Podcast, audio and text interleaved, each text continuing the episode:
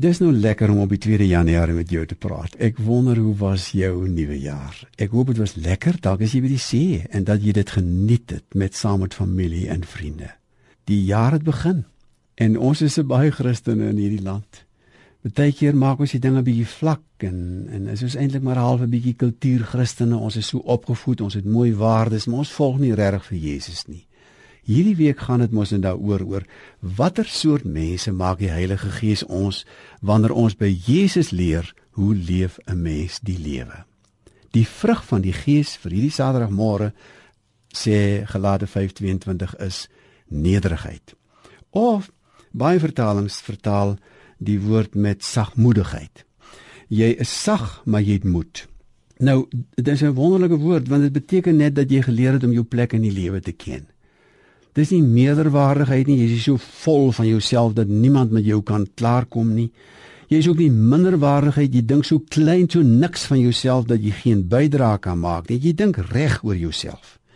Jy is 'n mens wat deur God geskep is, wat deur God so belangrik geag word dat hy jou sy seun geskenk het. Jy is nederig, sagmoedig van hart die mooi beeld wat wat my help om dit te verstaan is. Ek loop eendag by 'n pragtige perdeskou en hulle trek 'n ongelooflike perd uit die uit die stal uit wat binne in 'n halfuur moet reg wees vir die vir die tentoonstelling, vir die vertoning en die kompetisie. En die perd ruk aan twee mense wat hom probeer hou vas.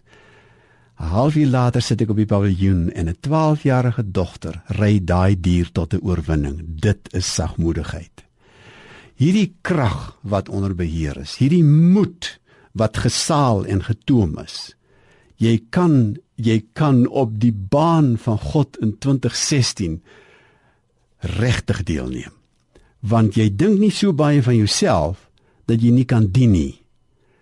Jy dink skrywe iemand so mooi dat in die Griekse dit eintlik beteken jy so soort van baas van jouself dat jy in staat is om te dien klein genoeg om oral in te pas daar waar God in 2016 vir my wil gebruik.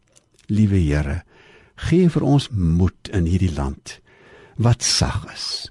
Help ons om in hierdie land ons bydrae te maak op die baan van die lewe. Amen.